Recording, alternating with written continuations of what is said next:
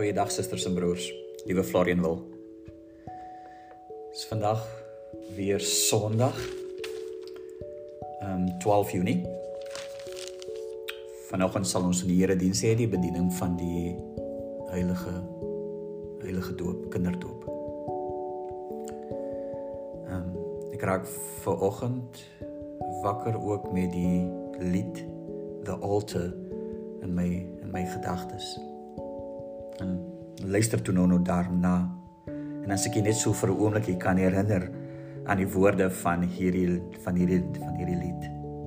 People at the altar are kneeling down to pray. Some are finding mercy, forgiveness for their sin. Some are fighting battles and they're struggling to win. The time has come to give them to the Lord. That's what the altar is for. En dan begin die chorus En ek wil net die eerste reeltjie vir u weer laat onthou. You don't have to carry those burdens anymore. En daarom is dit tyd om na die altaar van die Here te kom. Om voor die Here te verskyn. Om wat ook al in ons lewe is aan hom oor te gee. So vriende, ek open vir ons met gebed. Ons verskyn voor die Here.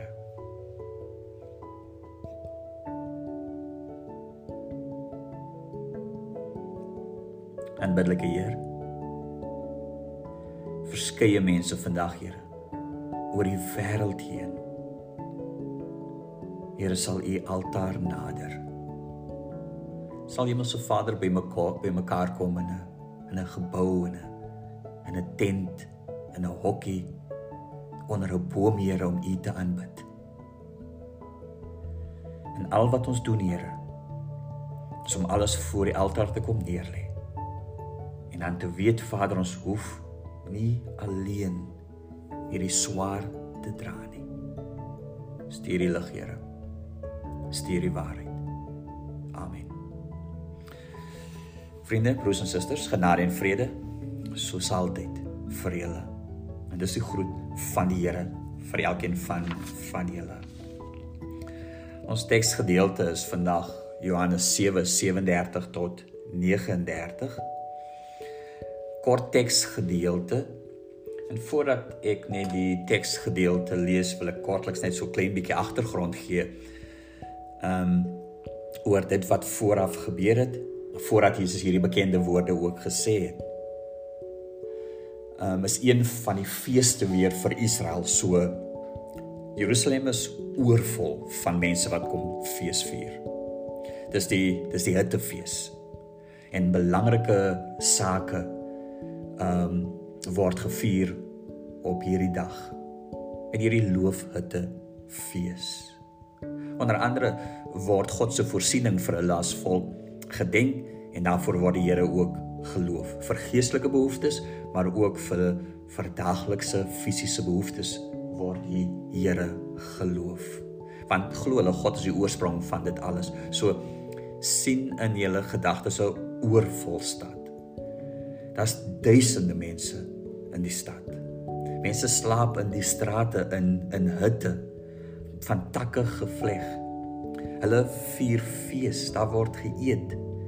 Ehm um, daar word gesing, daar word gedans want die Here is goed. Né? Ehm um, in ons gedagtes die naaste wat ons seker hieraan kom is om te dink aan groot festivals. Maar hierdie ontaard gewoonlik net lelik en ons almal ken dit, maar nie nie hierdie feeste nie. Hulle sê dat as jy nog nie vreugde ervaar het nie, dan jy nog nie byvoorbeeld hierdie fees bygewoon wat Israel gevier het in daardie tyd nie. Absolute groot fees. Vandag as ons so iets wil hou dan dink jy dit sal eintlik maar 'n logistieke nagmerrie wees om dit te reël. Mense in strate, hulle slaap daar. Uh dink aan die geriewe wat daar moet wees, dink aan die paaie wat geblokkeer is en so voort en so voort en so voort, né? Nee?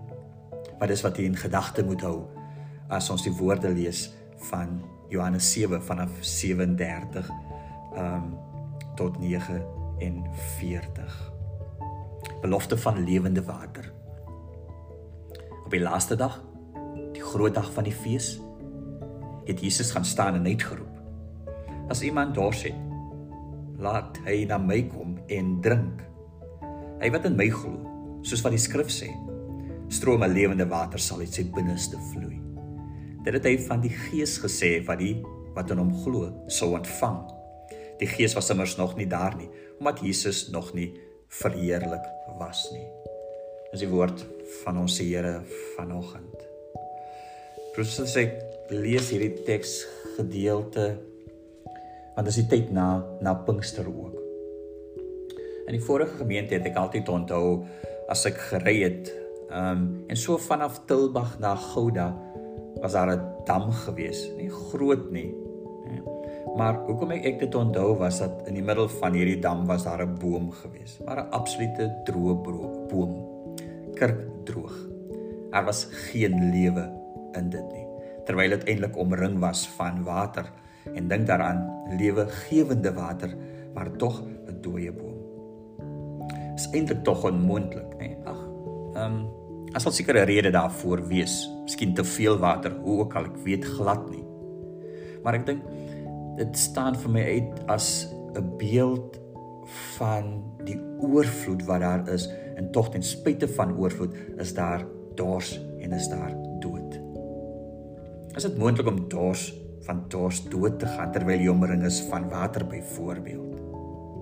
Soos die man wat dors langs die rivier gestap het en vir mense vra waar is die kraan? Jy weet ons het soveel in oorvloed as dit kom by die woord van die Here. En as dit kom by dit wat die Here vir elkeen van ons doen. Hierdie jaar het ons 'n oorvloed van boodskappe gehad. Week van gebed in Januarie, Lydenstyd en 40 dae vanaf Maart maand, Heilige Week en Paasnaweek in April uh Pinkster vanaf die einde van Mei af soveel van God se lewende lewegewende woord het ons ontvang. Teen die tyd moes ons eintlik al saints gewees het, is dit nie, né? Heiliges, opregte heiliges. Um en tel daarmee saam al die vorige jare van kerkloop en boodskappe ontvang van die Here se goedheid. Soveel oorvloed. Soveel lewegewende woord uh, waar was ons deel van. Met Pinkster Sondag het ek gepreek en onder andere gepraat oor Elia, die profeet van die van die Here. En dan onthou ek Elia se storie van hoe hy bid en dit hou op reën. Hoe hy by 'n weduwee gaan bly en olie en meel raak nie op in hulle houers nie, né? Um hoe Elia bid en God stuur vuur van uit die hemel uit daar by Berg Karmel. Hy bid en dit reën weer. En hy word so oorval deur die Heilige Gees dat hy die koning se perde wa weg hardloop. Hè? En ondanks dit alles bevind hy homself nie lank daarna in die onder 'n besembos en hy vra die Here om sy lewe te neem want hy het genoeg gehad. Ek weet dalk iets hiervan iets van Elia is dalk iets wat u en ek ook voel. Jy ervaar die krag van die Here dagliks. Sy lewende woord raak jou aan. En na alles verby is, voel dit asof jy terug is in 'n woestynland. Jy terug is op moedverloorse vlakte. Die ou sondige mens wat jy was, dit jy soos 'n soos 'n jas afgegooi. Maar jy het hom nou weer styf om jou lyf gebind. En so stap jy weer aan. En as miskien hierdie ervaring van hierdie mooi hoogtepunte en dan en dan vind jy jouself ek is hoekom voel dit vir my ek is net waar ek was. Hoekom voel dit so? Jesus maak aan ons teksgedeelte 'n besondere belofte. As iemand dors het, laat hy na my toe kom en drink. En dan beloof Jesus strome van lewende water sal uit sy binneste vloei. Nou, hierdie is 'n belofte om nuwe lewe, 'n nuwe lewe vir almal en hierdie nuwe lewende water sal uit jou diepste uitvloei. Met ander woorde van hierdie kern van jou lewe. En daarom almal van ons het dors. En hierdie dors het verskillende name, nê, want ons het dosyne behoeftes selfs op een slag. Dink net aan ons geestelike lewens. Die woord sê om nie bekommerd te wees nie, maar al wat ons doen is worry oor môre en oor môre en die tekorte wat daar is. Ons is verstel om vrede te maak en vrede te bring en vredemakers te wees. En al wat ons doen, Ons veroorsaak moeilikheid en is asof ek myself nie kan help nie. Ek fight liewer eerder as wat ek net mooi alles hanteer. Ek oordeel asof ek die weet die beste pad aan die vlei is. My geestelike dissiplines, my Bybellees en gebedslewe, die suffer. Eendag as ek wys en handel volgens die Heilige Gees, uh my lei en die next dag is my eie ego so in die pad dat ek niks anders sien en aan niks anders gehoorsaam is nie. Sulke mooi voornemens by tye en dan versande tot niks. En dan probeer ek net harder en ek probeer harder weet ek moet dalk na nog iemand gaan luister ek moet nog dienste bywoon dalk na 'n ander kerk toe gaan in Sofia ek moet nog 'n ander boek gaan lees want want iemand het gesê dalk dit sal my lewe verander. Maar jy voel later net skuldig. En al wat later gebeur is dat jy pretend en dit is beter. Alles is reg. Jou geestelike lewe groei. Nou, hoor die uitnodiging van Jesus dus. En dis wat ek vir julle wil sê. Slegs Jesus. Slegs Jesus die een wat ons uitnooi wat die nuwe lewe moontlik kan maak. Slegs Jesus. Slegs deur genade moontlik. Slegs deur die Heilige Gees van God moontlik. Kom na die water toe, sê Jesus. Kom drink. Openbaring 22 praat van 'n rivier met water van die lewe wat uit die ehm um, ehm um, en hierdie stroom vloei vanuit die troon van God en en die lam. Dit herinner sommer aan die waterstroom in Esegiel 47.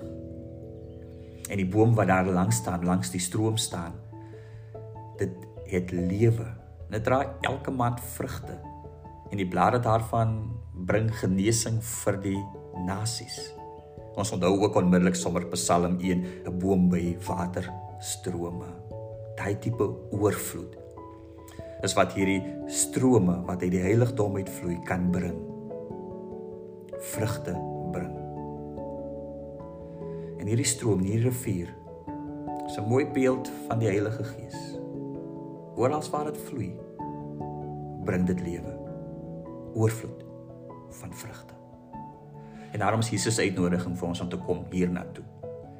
Met met ons ervaring van oorvloed van woord en 'n oorvloed van genadegawes en oorvloed van wonderwerke en ons voel daar bly hierdie gap tussen wie ek nou is en wie ek moet wees. Dis uitnodiging daarom vir elkeen van ons. Maar hoe? Met hoe werk dit? Een van die goed wat ek onthou, dink aan watererosie Dink aan hoe 'n rivier oor jare heen net sy loop neem en waar dit loop kan dit selfs rotse se vorm verander. Dit maak hy oppervlakte, hy harde oppervlakke, vlakte. Wat jy dink ehm um, nie verander kan word nie. Dit vrede dit weg oor jare. Daai daai sterk punte ehm um, wat so uitsteek oor die jare raak dit glad. En miskien moet ons dalk dit hoor dat dit dieselfde proses is wat plaasvind in die lewe van gelowiges. Vorming vind plaas oor jare. Soos my geestelike geestelike behoeftes en nood in kontak kom met hierdie water wat lewe bring, met ander woorde die Heilige Gees, weet oor en oor in jaar na jaar. So word my skerp plekke en my harde plekke weggevreet. Die goed wat weier om te verander, word eenvoudig net glad oor jare sonder dat jy dit selfs besef. So daarom, as ons hierdie beeld van erosie en watererosie onthou of erosie wat verander wat gebring word deur water, dan moet ons weet wat vir ons belangrik is en wat vir 'n boom belangrik is, is om naby 'n waterbron te wees om vrugte te dra. Wat belangrik is is dat ons in die stroom sal wees en dit sal ons lewe verander. Bly in die vloei van die Heilige Gees. Luister na die Heilige Gees in jou lewe. Nou, weer eens, wat beteken dit? Weet hoe werk dit? Uiteraard, as sê in die in die Gees lewe, sal daar sal dit lei tot groter liefde en vreugde in jou lewe, vrede in jou lewe in in jou lewe. Dink maar aan die vrug van die Gees. Sodra liefde die vrug is in jou lewe, is dit 'n bewys dat jy in die stroom van die Heilige Gees is. Want terwyl jy in die stroom is, lyk sonde steeds vir jou sleg en die Here lyk vir jou goed. En dan besef jy maar ek is ek is nog in die stroom. Ek besef nog wat verkeerd is en ek weet dat die Here goed is. Terwyl jy nog in die stroom is, ervaar jy die Gees met jou praat oor wat jy moet doen en hoe jy 'n lewe moet lei waarin daar vrede en liefde ook is. So ons taak is om elke oomblik te probeer uitvind hoe om in die vloei van die lewende waters te bly. Paulus sê in 1 Tessalonisense 5:19, moenie die werking van die Heilige Gees teenstaan nie. En net voor dit sê baie bekende verse, wees altyd bly, bid geduldig. Wees in alle omstandighede dankbaar. Ek sluit af broers en susters. Ons moet dus in die stroom van die van die Gees bly. Ons moet dus in die water wees. Maar onthou ook ehm um, dat ons sommer heel moet inspring. En dat ons sommer wanneer ons die Gees en die woord hoor en besef wat die Here vir ons vaat, ons dit probeer doen. En so bly ons maar in die stroom. So wil ek hê moet u moed skep oor wat verkeerd is in die lewe en waarmee u sukkel. Bly in die stroom. Die Gees sal die verandering bring. Genade is genoeg. Oor jare sal dit verander. En as jy weer kom kry, sê ander mens, beter mens. Toegegee, hierdie stryd vind plaas jou hele lewe, nê? Dit is nie net vir vandag en môre nie, totdat jy dood en hierdie aarde verlaat. So wees kalm en rustig.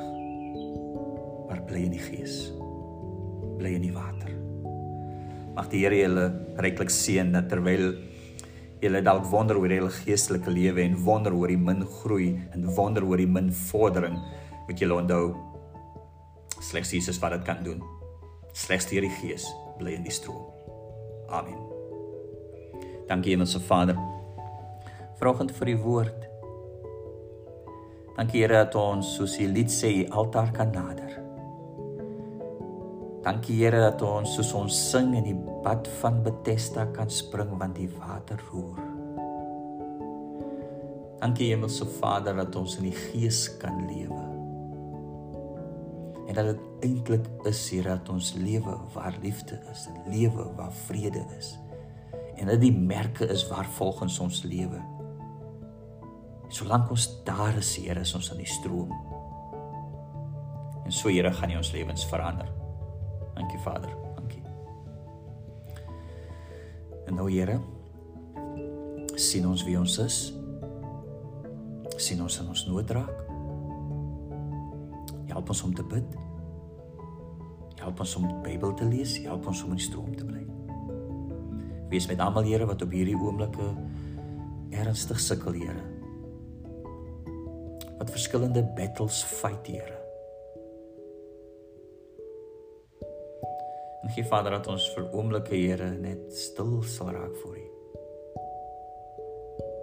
Wetende Vader, hulp kom van U. Alleen van U.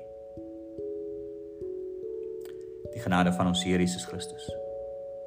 Die liefde van God ons Vader. Troos en bemoediging van die Heilige Gees sal saam met u wees. Want dan U behoort die koninkryk en die krag en die heerlikheid tot in ewigheid. Amen.